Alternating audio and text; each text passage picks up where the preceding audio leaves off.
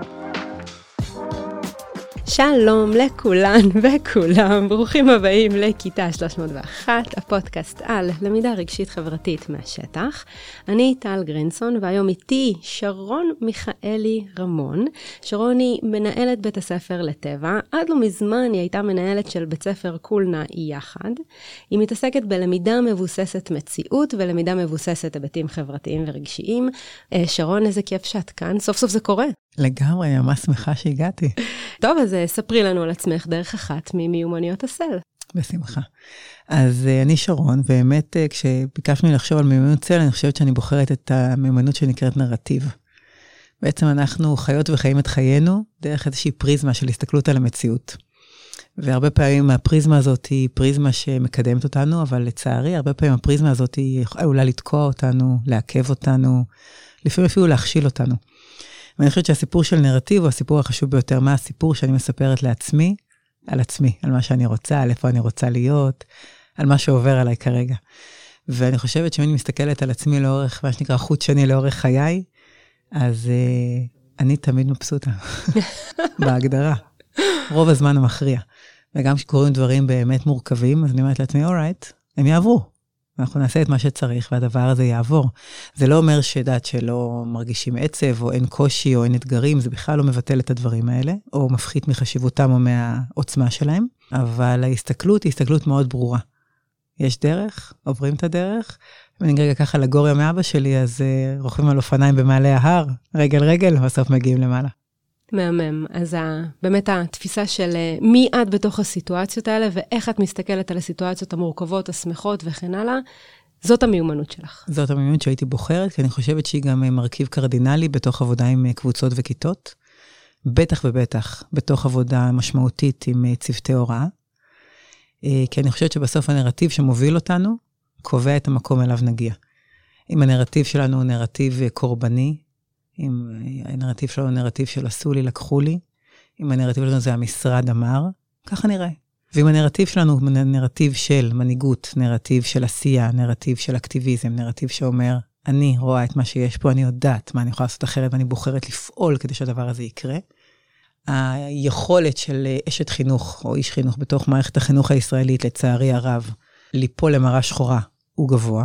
מכל הסיבות שאפשר לדבר עליהן. את יודעת, אה, הסיפור הבירוקרטי, הסיפור הכלכלי, הסיפור הארגוני, הפער המאוד מובהק בין מה שהמשרד אומר למה שהמשרד עושה, לבין ההבנה המאוד ברורה שאומרת, אם אני בחרתי, ובחרתי זאת מילת המפתח, להיות מחנכת, בבית הספר הזה, בגן הזה, במוסד החינוכי הזה, בחינוך הפורמלי הזה, אם אני בחרתי את זה, בהגדרה אני מנהיגה חינוכית.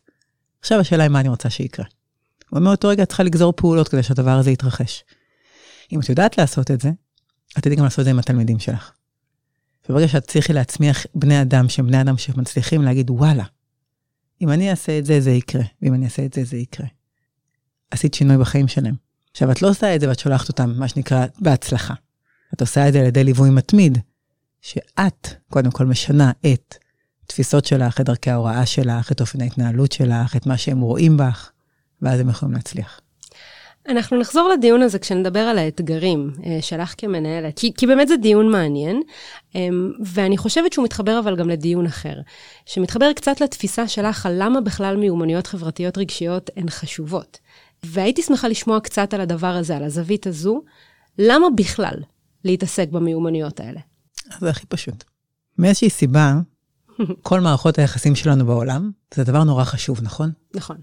סרטים, נכון? שירים, ספרות, הכל מתעסק במערכות יחסים. הפשט מהדבר הזה אומר, שאם אני מורה, או גננת, או כל תפקיד אחר, בהגדרה אני אמורה להבין שמערכת היחסים שלי עם מי שאני אמורה ללמד אותו, היא הדבר הכי חשוב. נכון. כי אם אין לנו מערכת יחסים טובה, למה שהוא יסמוך עליי? אם אין לנו מערכת יחסים טובה, למה שהיא תרצה ללמוד איתי? למה שהיא תרצה להתאמץ? ואם אין לנו מערכת יחסים טובה, אז מה הסיכוי שהם יעמדו ברף ההתמדה שאני רוצה מהם. כמעט ולא קיים.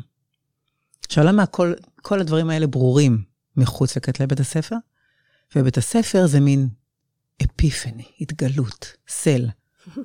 הרי מה, אף אחד לא המציא את זה היום. מדברים על מימיות צל בשמות אחרים כבר לפחות 100 שנה במערכת החינוך. בצורה כזאת, בצורה אחרת. אני חושבת שהסיפור של מערכת החינוך, שמתעסק כל הזמן במה נספיק, איך נלמד, מה יקרה, מה פה, איכשהו שם לזה איזשהו, אה, איזושהי חומה מטשטשת. אבל בסוף, כשאנחנו יודעות שלמידה אפקטיבית היא למידה שמתרחשת, כשה-well-being של הלומדים נמצא באיזשהו איזון, אז זה הסיפור. אם אנחנו נבין שלמידה היא יותר אפקטיבית כשיש יחסי אנוש טובים, מערכות יחסים אמיתיות, פשוטות, כשיש נרטיב ברור, כשיש מקום לתוך הדבר הזה בשגרות מאוד ברורות בלמידה בכיתה, אז נוכל להתקדם עם הדבר הזה קדימה. אני מאוד מסכימה איתך, ואני חושבת שמילת המפתח שאמרת כאן היא בסוף העניין שמערכות יחסים משרתות המון דברים, אבל בהקשר הלוקאלי הבית ספרי שלנו, הן משרתות למידה. אוקיי? בסוף, אני לא רוצה שהלומד שלי, התלמיד או התלמידה שלי, ילמדו כי הם אוהבים אותי. אני רוצה להיות הגשר שלהם לתוך הלמידה הזאת, ושהלמידה, הרצון הזה, יגיע מהבפנוכו שלהם, יגיע כי הם רוצים. עכשיו, שוב, אין לי בעיה שאני אהיה הגשר, אני אהיה התיווך, והמערכת יחסים המטיבה איתי כמחנכת תסייע להם, אבל אני לא רוצה להיות המוטיבציה לזה. וזה באמת מילת המפתח לדעתי. אני רוצה להגיד שנגעת פה בארבע נקודות שונות לחלוטין, שכולן נכונות. הראשונה היא, קודם כל אסור לנו לשכוח שבית ספר, מטרתו הראשונית... היא למידה. היא למידה. נכון. אני כמנהלת, ולפני זה כמחנכת, הייתי חוטאת לתפקידי אם הייתי אומרת, יאללה, קומביה. בהקטנה, כן? כי בסופו של דבר, כשאני רוצה, מה שאני רוצה לראות הוא ילד או ילדה שמסיימים אצלי בו' או בט', ואני אומרת, וואלה, יש להם את כל הכלים, את כל הידע, וכל הסיפור על זה שלא צריכים ללמד ידע, אני לא מסכימה איתו. אני גם לא okay? אוקיי? מסכימה עם זה. אה, את כל המיומנויות, ובעיקר את האוריינות ברמה הגבוהה ביותר, כדי לצאת לעולם האמיתי, ווואלה, הם יהיו בסדר גמור. כל השאר הוא מצד אחד הבסיס לדבר הזה, ומצד שני התוספת לדבר הזה. אבל הציר המרכזי של בית ספר הוא למידה. אז זה קודם כל, פה אני מסכימה איתך במאה אחוז. הדבר השני, זה הסיפור של אהבה. אנחנו נוטות הרבה לדבר בבתי ספר במושגים של המורה הנהדרת, כמה אוהבים אותי. הפקטור הזה הוא פקטור משני. אהבה זה דבר חשוב, דרך אגב, לילדים בטח ובטח, אוקיי? מצידנו. אבל אהבה היא לא הפקטור שעומד בפני עצמו. הוא תוספת, הוא דבר נהדר כשהוא קורה. אני חושבת שיש שם הרבה דברים הרבה יותר חשובים. הערכה הדדית, יחסי אנוש, כבוד בסיסי, אכפתיות, יש המון המון מילים שמגיעות לפני אהבה. הן מרכיבות אהבה. הן מרכיבות אהבה, אבל הן מגיעות לפני אהבה, וצריכים לזכור את זה. נכון. צריכים לזכור את זה, וכולנו הרבה פעמים נופלות לתוך הדבר הזה. ובסוף, אין בכלל ספק, ילדים לא צריכים לרצות אותי, אבל, אבל אם מערכת היחסים שלנו טובה, הם מבינים מה ההסכם ההדדי.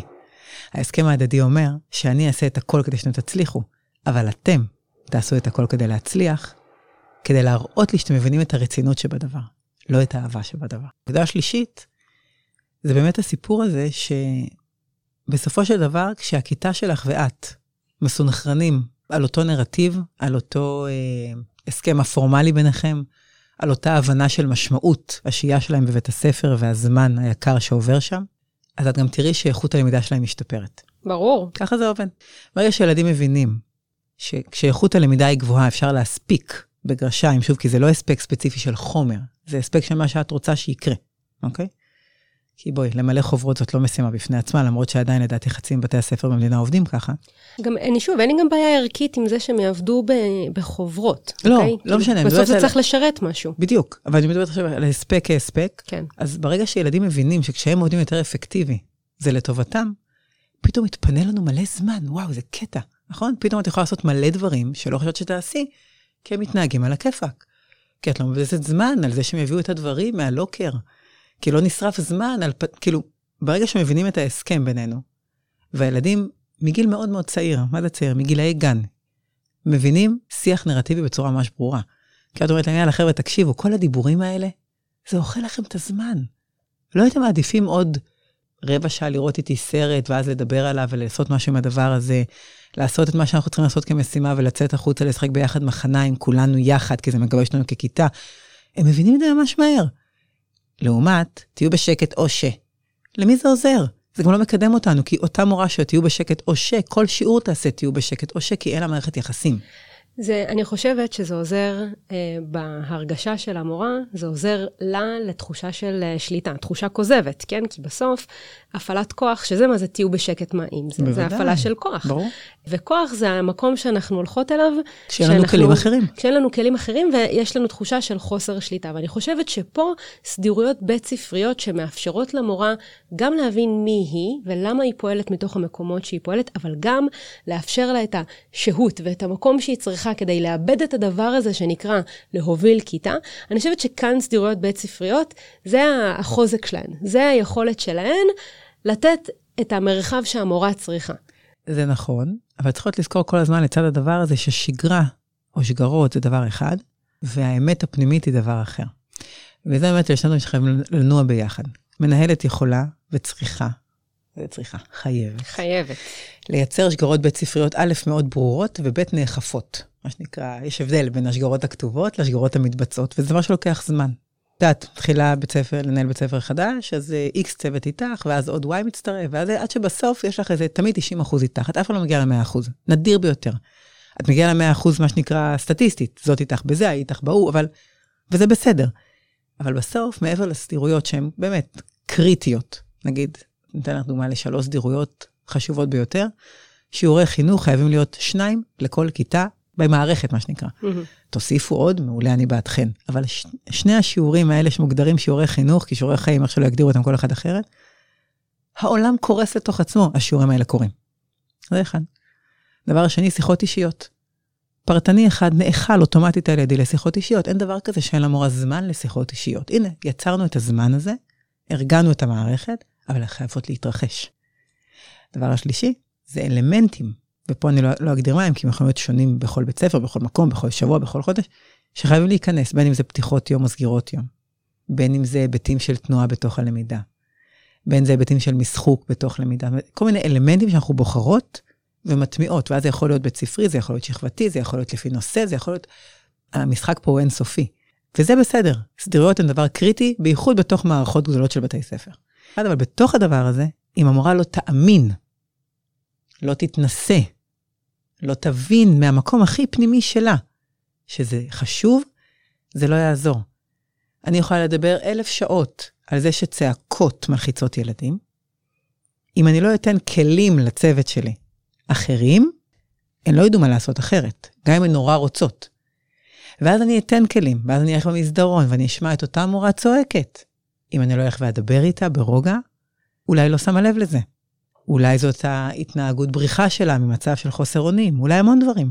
בסוף זה מין משולש כזה, יש את הסדירויות, יש את התהליך האישי שהצוות עובר, ולכן צוות חייב לעבור, לעבור, דה פקטו, כל מה שהילדים אומרים. זאת אומרת, אם אני עכשיו מעבירה מלאה לצוות שלי על משהו, ואני אומרת לי, חשוב שתעזרו לי לגבש ביחד מימוניות של לומד עצמאי, זה מקרה אמיתי מהשטח, יהיה להם את הזמן ללכת, בזמן המליאה, לשבת בצוותים, לעשות עבודה, לחזור אליי, לעשות דיון, לשבת שוב בצוותים, לחזור אליי, כי אם אני רוצה להגיד להם שככה אני מאמינה, הן צריכות להתנסות בזה.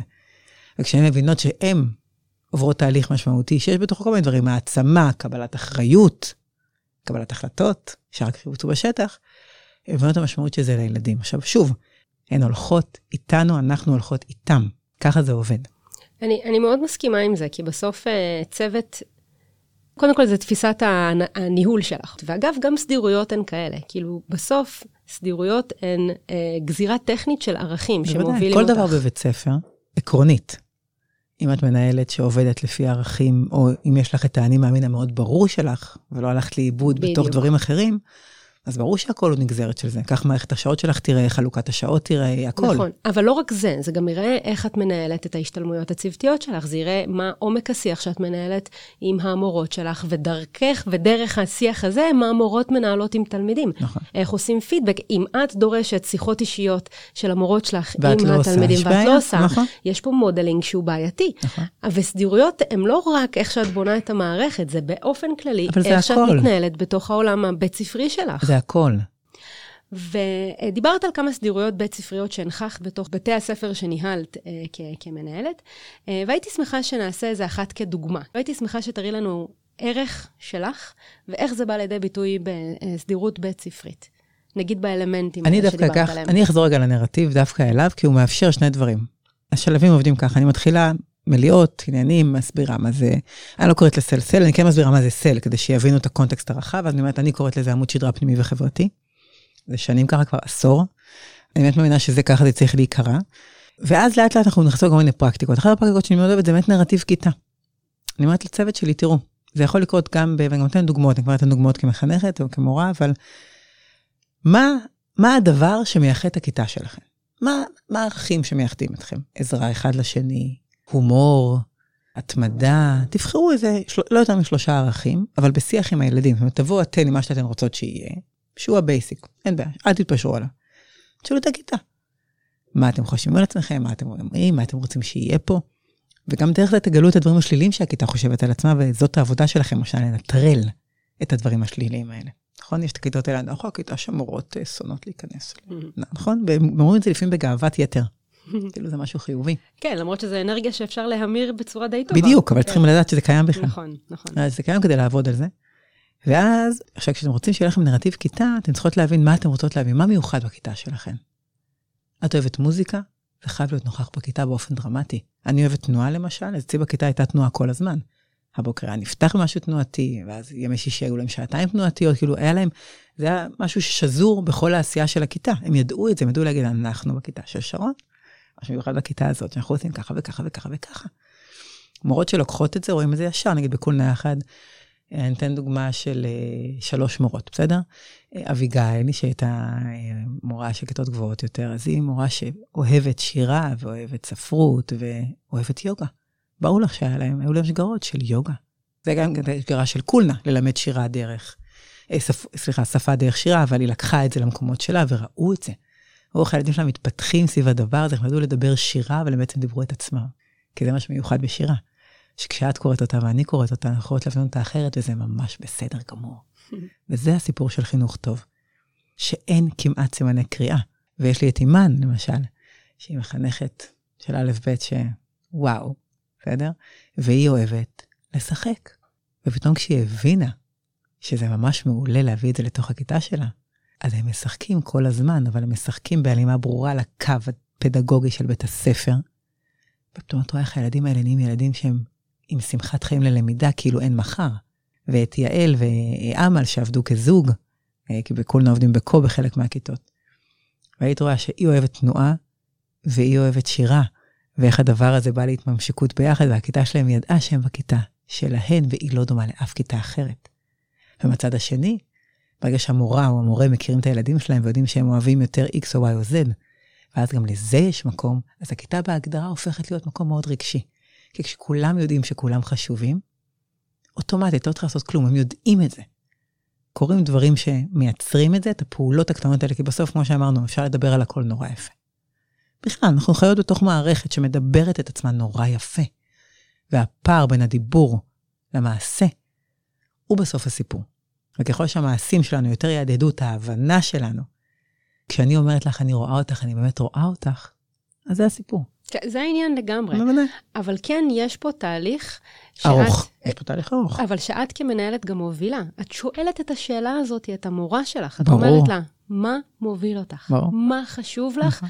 ואת גם דורשת שהיא תנכיח את השאלה הזאת בתוך הכיתה שלה. את גם לא צריכה לדרוש, כי זה משהו שהוא מאוד נכון. ברור, כי ראתה אותך עושה את בדיוק, זה. ואני גם אתן עוד דוגמה. כשאני מדברת עם מורות שלי, ואני זוכרת שמישהו אמר לי משהו שהוא אוהב או מעניין אותו. בשנייה שאני רואה משהו, סתם בגוגל, שמעניין אותי, פלאף, אני שולחת את זה לאותו בן אדם. כי הרי מה הסיפור ביחסים? שאנחנו מצליחות להדהד אחת לשנייה דברים חשובים. הרי זה מה שקורה בחברויות, וזה מה שאמור לקרות לך בצוות טוב. עכשיו, בצוות טוב גם צריכה, השיח גם צריך להיות שבסוף אני אראה כל אחת מכם ברמה האישית וברמה המקצועית, יש לנו סטנדרט אחד. וגם זה סיפור, וגם בכיתה. אני אוהבת את כולכם, מעריכה את כולכם, רואה את כולכם, אבל יש לנו משימה לימודית אחת. אנחנו נגיע לעולם אחרת, אנחנו זה, זה נגיד אחד החוקים הכי ברורים בכיתה, זה את אף אחד לא מתערב במה שמותר לאף אחד אחר. כל אחד אחר. ולכן, אם אני אומרת לה, אתה עושה ככה ואת עושה ככה, על אותו דבר שלמה, זה לא עניינכם, זה ממש בסדר. גם הדבר הזה, שאני אומרת לעצמי, אוקיי, אם דיפרנציאליות חשובה, בואו נעזור לילדים להבין שהיא חשובה. חד משמעית, אבל שוב, כמו שאמרת, בסוף יש מטרה, ברור. אוקיי? זה בסדר שנגיע אליו, וזה נראה לי גם ההבדל, מה שאמרת לפני, זה בין האהבה לכל הדברים שמרכיבים אותה, בדיוק. אוקיי? כאילו, יש מטרה, נכון. בסוף. חייבים אני- להגיע אליה, אפשר להגיע אליה נכון. באין סוף דרכים. נכון, נכון, אבל ש... כאילו, שוב, אבל, אבל זה ההבדל, ואני חושבת שזה גם ההבדל בין דיבורים למעשים. נכון. כי מאוד קל להגיד מיומנויות צל, מאוד קל לבוא ולהגיד לומד עצמאי, PBL, כל ה... את יודעת, ה-buzzwords האלה שאוהבים נכון, מאוד. אבל בסוף, מה זה אומר באמת? מה זה אומר באמת? מה זה בדיוק. אומר ביומיום, איך שאנחנו רואים את זה? ואני מאוד מאוד מאוד מסכימה איתך, שברגע שמורה מנכיחה את עצמה, ואת התשוקות שלה ואת האהבות שלה, משהו אותנטי, הנה עוד מילה, buzzword אה, אותנטי, אה, משהו אבל אמיתי וכנה, רגעי אמת כאלה קורים בתוך הכיתה. נכון. אבל אני חושבת שזה כן מתחיל בסוף של מנהלת מובילת צוות, וגם באותה עוצמה של אה, מחנכת שהיא מנהלת פדגוגית של הכיתה שלה. ברור. והיא צריכה לקחת אחריות על זה, ואני מאוד מאוד מאוד מסכימה עם זה. ודאי, זה כמו הסיפור של המה והאיך. בדיוק. תראי, אני קראתי את זה בכנפיים ובסיס וכנפיים. כן, שורשים ו... אני לא, כן. לא, אני לא, לא הכרתי את השורשים וכנפיים, אז אמרו לי, אה, משתמשים בזה בלא משנה איפה, אמרתי, תשמע, אני לא יודעת, אולי. אני בעד, אין לי בעיה. כל, כל, אה, מה נקרא, כל אה, אלגוריה, דימוי או כל דבר אחר שנוח לכם, לכו עליו. אני בסיס וכנפיים, ולמה? בסיס זה בסוף אומר, מורה, לא משנה באיזה תחום דעת. אם היא לא ספצית, ברמת השיגעון, למה צריך ללמוד, לא תוכל לעולם לעשות את האיך שלה אטרקטיבי. נכון, That's it. נכון, לגמרי, כי אם אני יודעת מה המה שלי, מאה אחוז. ברמת תתחילו ורחימו, ועושה את הכל כדי להגיע לזה. איך אמרתי השבוע למורה חדש, הוא אומר לי, תשמעי, אני עדיין בסטאז', אמרתי לו, תירשם להשתלמויות של תחום הדעת שלך. אל תגיש את העבודה, זה עולה 15 שקלים. תקבל את הידע. אל תגיש אחרי זה עבודה, אתה לא, אין לך מה לעשות איתה, אבל לפחות תדע, כדי שתוכל לעמוד. אמרתי, כי פה אתה תקבל דברים, אבל הם מוגבלים, בסוף לא יעזור כלום, אני יכולה לתת לך את זה ואת זה, ועוד עוד הדרכת שפה איתי, ועוד הדרכת שפה עם הרכזת, ועוד... אבל בסוף אתה רוצה להיות חזק במה שאתה עושה. כדי שתוכל לנווט את זה לאיך אתה רוצה לעשות את זה, את חייבת לשלוט במה שלך ברמה דרמטית. ואני חושבת שזאת חלק מהבעיה של המערכת. שהמערכת, מבנה העבודה של המורה, ותפיסת הפיתוח המקצועי של מערכת החינוך, היא לא טובה, נכון. וזה ב understatement. בשני היבטים. בהיבט הראשון, שבוע המורה, דרך אגב, בחטיבות הביניים ובתיכונים זה אחר לחלוטין, ביסודי זו כתישה מטורפת של צוות, ואז אין לנו זמן למעט שעה וחצי של מנהל. עכשיו תחשבי, בעולם נורמלי, אם היו לי עם כל מורה חמש שעות שמוגדרות רק לפיתוח צוות. את יודעת איזה מורות מקצועניות היו לנו פה. ברור, ואת יודעת איזה כיתות מקצועיות היו ברור, לך פה? זה- ככה זה עובד. ככה זה עובד. ככה זה עובד. והדבר השני הוא הסיפור של מה שמשרד החינוך עשה. אני ארשה לעצמי להיות לא politically correct. הגפן. ברגע שמשרד החינוך אמר, קחו הדרכות מאיפה שבא לכם, במקום שאנחנו נמשיך עם ההדרכות שלנו, אבל נדאג לזה שהן יהיו הכי טובות בשוק. נכון? אנחנו בתכל'ס עושים פה הרי semi הפרטה. אם אני רוצה להתמודד עם בעיות כמו שצריך, אני חייבת להתייחס אליהן באמת הרצויה. ובסוף זה הסיפור. אז אם נחזור למשרד החינוך, אם הוא היה רוצה לעשות את הדבר הזה, והלוואי וזה יקרה עוד איכשהו, הוא היה אומר, אני, ובוא, היום עולם ההדרכה, גם את איכשהו קשורה אליו, נכון? אני גדלתי בתוכו לפני שנכנסתי למערכת החינוך. עולם ההדרכה יודע לייצר את כל הפתרונות לזה שהמדריכות שאת רוצה שיובילו לך את המערכת, יהיו הכי טובות שיש. אבל זה עניין של החלטה. בגלל זה גם הסיפור של סל הוא כל כך מתעתע, כי כולן מדברות אותו, אבל אם הוא היה מאוד חשוב, הוא היה חלק מרכזי בלימודי ההוראה והחינוך. וזה העניין. אבל מה זה אומר להיות חלק מרכזי? מבחינתי להיות חלק מרכזי זה להפנות זמן ומשאבים, אוקיי? כאילו שוב, סדירויות מבחינתי, כל הדיבורים באוויר הם דיבורים באוויר עד שזה לא מעוגן במערכת, בכסף, באנשים, ובזמן של האנשים האלה להתמקצע ולהיות טובים. נכון. אני מסכימה איתך אבל עקרונית. זה הסיפור. לא, אבל זה הסיפור. בסוף האחריות של מנהלת היום, זה יושב היום מנהלות. אחד, לדאוג שהצוות יבין את זה. יבין את זה תודעתית, יבין את זה על ידי פרקטיקות שהוא מקבל, יבין את זה על ידי מליאות, יבין את זה על ידי התנסות, בסדר? ובנוסף, הסיפור של הסדירויות. אז זה לצד אחד התודעה עם הנרטיב, ולצד שני, הסדירויות שמקבעות את זה. ואז זה סוגר לי את המעגל. וכל זה אל מול האילוצים של המערכת, כי בואי, באמת, בעולם נורמלי הייתי רוצה את כל הצוות שלי לחמש שעות פיתוח מקצועי כל שבוע, לא לשעה וחצי. ואת כמנהלת לא יכולה לייצר כזאת גמישות בתוך המערכת. כן ולא, תלוי מתי ותלוי איפה. כרגע, בגלל שיש מחסור מטורף בנשות צוות בכל המדינה הזאת, אז זה הרבה יותר קשה. אבל בוודאי שאפשר. אני, כשאני בונה השתלמויות מוסדיות, ואני בונה כל שני השתלמויות מוסדיות, אז אה, חלק ניכר מהעבודה היא עבודה בתוך הצוות.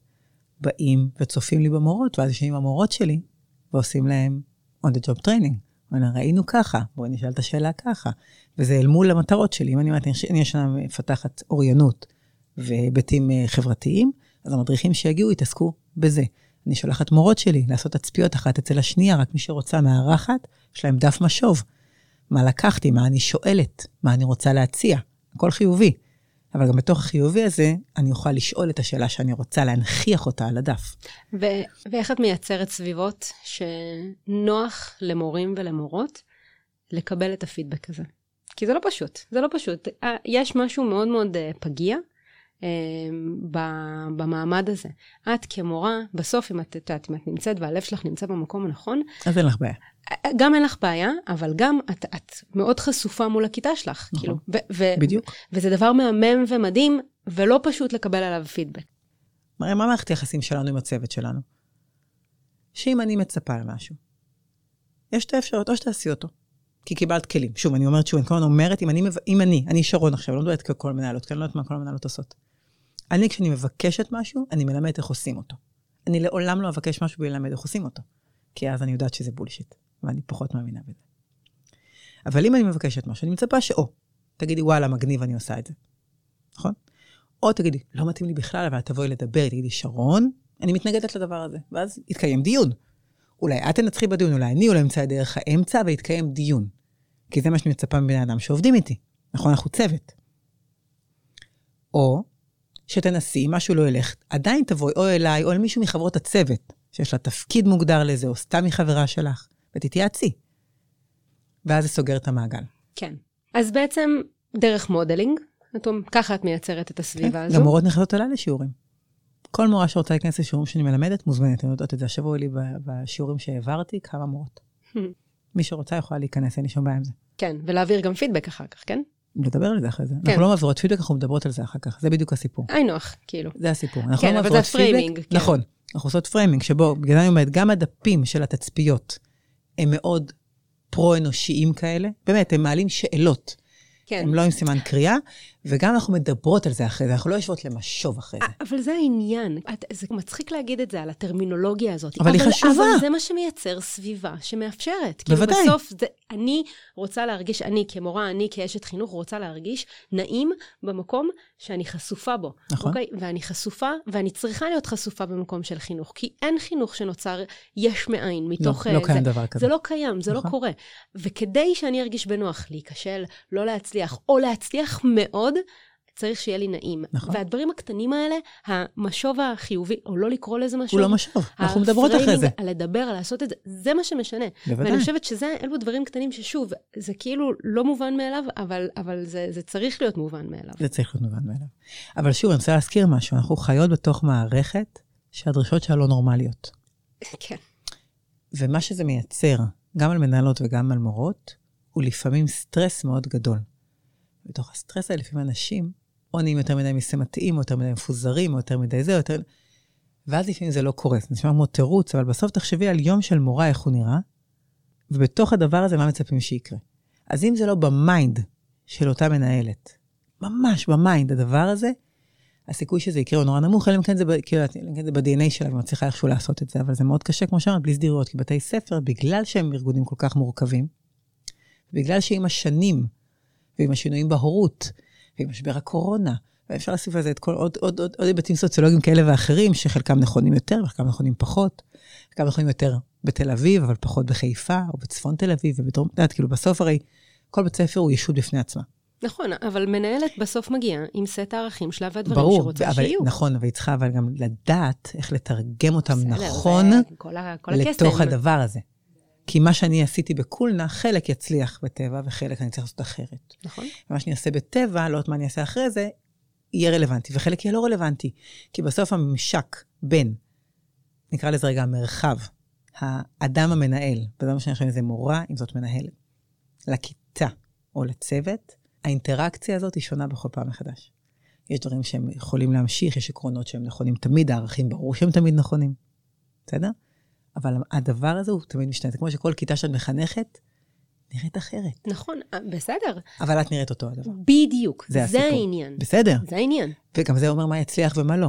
המחנכות היותר ברורות הן אלה שיותר מצליחות. נכון. ככה זה עובד.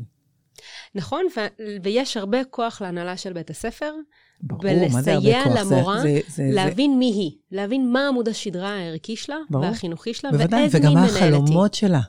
נכון, וגם מה החלומות שלה. נכון. אגב, זה גם לדעתי הדרך להתמודד עם שחיקה של מורות בתוך בתי ספר. נכון. כי כמו שאמר, המערכת הזאת היא באמת אה, מורכבת עד רמה של אה, בלתי אפשרית. נכון. דיברנו על זה קצת לפני ההקלטה, שכאילו המערכת שמה לעצמה מטרה להוציא ממנה אנשים. כאילו באמת, אה, לפעמים זאת כן. ההרגשה. נכון, נכון. ואני חושבת שכאן למנהלת יש המון המון מקום בליצור, בממש להיות הסנן של השחיקה הזאת, נכון. לייצר צוות שעובד, בוודאי. צוות שחולם, צוות שעושה. נכון. אני- לנקות רעשים. ממש, בוודאי. ממש ככה. אבל כמו שאמרתי, באמת כל הסיפור באמת שבתי ספר לאט לאט הופכים להיות מקום, שזה כאילו הפוך לעולם ה... הצעדים הארגוניים הם לכיוון הפרטה. הצעדים האמיתיים של החברה הישראלית זה שבית ספר הופך להיות, כמו שכתב אה, קולגה נהדר, כתב על זה פוסט, יונה. כתב, אנחנו נהיים גם הצוות הסוציאלי וגם ההוואי ובידור וגם החוגים וגם הננה וגם אחרי התורים, הכל הכל הכל הכל. האם זה נכון? זו גם שאלה. בסוף את אומרת, אוקיי, אני כבית ספר צריכה להיות מוסד לימודי, שמתייחס מאוד להיבטים רגשיים וחברתיים, כי בלי זה, זה פשוט לא עובד. אבל מה הגבול? איפה אני צריכה להגיד, רגע, די? מה התפקיד של בית ספר באמת? איפה שאר מדינת הרווחה יושבת? מה עושים עם אלה שהם נמצאים במוביליות חברתית נמוכה וחוזרים לצאת משם? האם זאת שאלה של בתי ספר? יש המון גורמים מתערבים בתוך הדבר הזה, שהם בעצם גורמי לחץ מאוד גדולים. כי בגלל שאין מי שלוקח את ה ownership על הדבר הזה, חברתית עכשיו, עזבי רגע כבית בית ספר, בית ספר מוצא עצמו כמוקד של משהו, ואז עוד משהו, ואז עוד משהו, ואז עוד משהו, ואז השאלה היא, עד איפה המשהו הזה? מה לגיטימי, מה לא לגיטימי? אלה שאלות כאילו סמי פילוסופיות, אבל בתכלס הן הכי פרקטיות שיש. ואז בתוך כל הדבר הזה, צריכים לייצר איזשהו ציר שהוא גם ציר הגיוני. שהוא ישים שהוא בעצם. ישים. כן, אני מסכימה עם זה. יחד עם זאת, אני גם חושבת על הילד כעולם. ואני אומרת, מה הוא צריך, אם אני רוצה שהוא יגשים ערכים מסוימים, איזה סביבה צריכה להיות לו. להיות לו. נכון. וזה, וזה מורכב לא רק מהשלוש, ארבע שעות, חמש שעות, שמונה שעות שהוא נמצא בבית הספר. עכשיו, אני לא חושבת ש, שבית ספר צריך להיות מקום של רווחה, אבל אני חושבת שרווחה היא חלק מהעולם של הילד. נכון. אמ, ו- וזו שאלה, ואני חושבת שכל בית ספר יש לו גם את המיקרוקוסמוס הקטן השכונתי האזורי שלו. אמ, והייתי שמחה שנחזור רגע שנייה לעמוד שדרה הזה של מיומנויות צל. והייתי רוצה לדעת קצת על האתגרים שהתמודדת איתם בתיווך או בהטמעה של מיומנויות כאלה כמנהלת בתוך בית הספר, בין אם מול הצוות שלך או בין אם מול הורים, תלמידים וכן הלאה. אני חושבת שבסוף בית ספר, השגרות של מה שנקרא, של סל, של הכלה, של uh, שיח, של כל הדברים האלה, באמת מתחילים משגרות. השגרות הפשוטות זה מה שאמרתי מקודם, שיעורי חינוך, שיחות אישיות ודברים שאנחנו מטמיעות קטנים בתוך המערכות. אחרי זה יש כל הסיפור הכולל של בית הספר. איך אני תופסת את כל הסיפור של ילדים שצריכים התאמות דיפרנציאליות, משני הקצוות.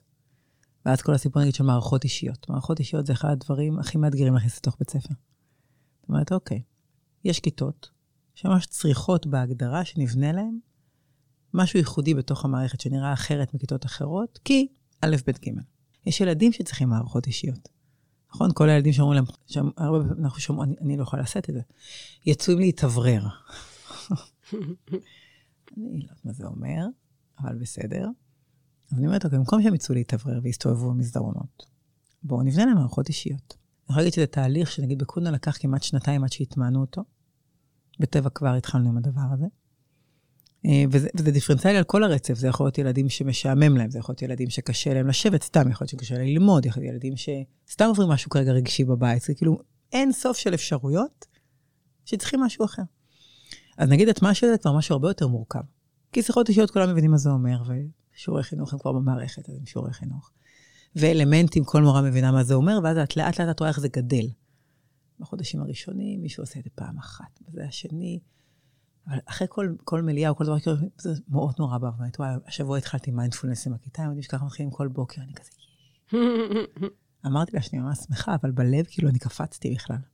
כי את אומרת, וואלה, הייתה מליאה, אמרנו להם, מה התשוקות שלכם? והיא באה לספר לך מיוזמתה. עכשיו, זה נשמע מטופש, נכון? אבל זה כאילו, מבחינתי זה לא, הישג עצום. זה מטורף. וזה הסיפור. אבל עכשיו, מערכות אישיות, וואי, זה פתאום אופרציה. תחשבי מה זה לנהל דבר כזה, יש לך כזאת הכלה. הן יושבות, כל, לוקחות את כל הצרכים ואת כל המשאבים, ואז מתחילים לחלק, ואז עושים זה, ואז המורות צריכות לזכור להוציא.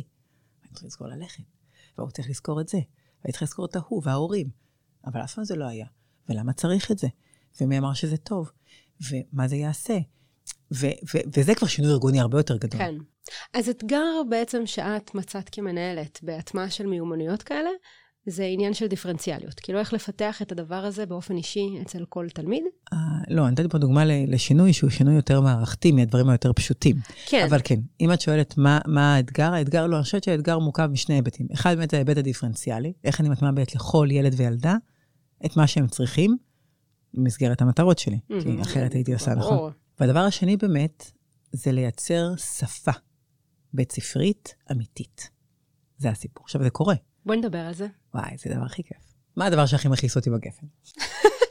מה הדבר שהכי מכעיס אותך בגפן, שרון? שפתאום מאות אלפי חברות קטנות, חברת, חלקן מעולות, חלקן קיקיוניות לחלוטין, באות ומציעות לבית ספר, בוא, אני אציל אותך חברתית, או אני אעשה העצמה רגשית, או אני, לא יודעת מה, אני אבנה לך את uh, ממלכת פרס בחצר. אבל זה לא עובד, זה שקר. כי כל אורח לרגע עושה משהו, והאימפקט שלו, מסכימה עם זה. הוא כל כך זניח אם אין עבודת עומק נכון. לאורך כל השנה, שכאילו למה? זה סתם כסף לבזבז. זה לא חי את הכאן את ועכשיו יפה. של בית ספר. בדיוק. אתה לא נכנס לכיתה, אתה לא פגש את התלמידים. בדיוק.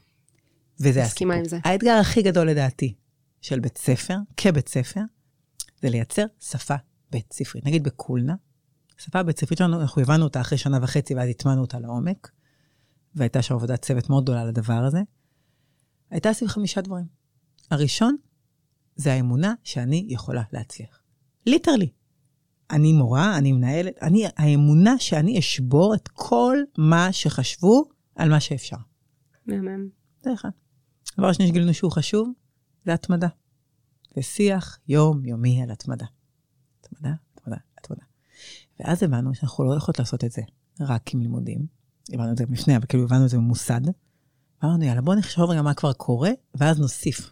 ואז גילינו שהדבר שהכי עוזר לעשות את זה, אלה שני, אה, שני תחומים, אומנות וספורט. עכשיו, קבוצת ריצה בקולנה כבר פתחתי, אני פתחתי.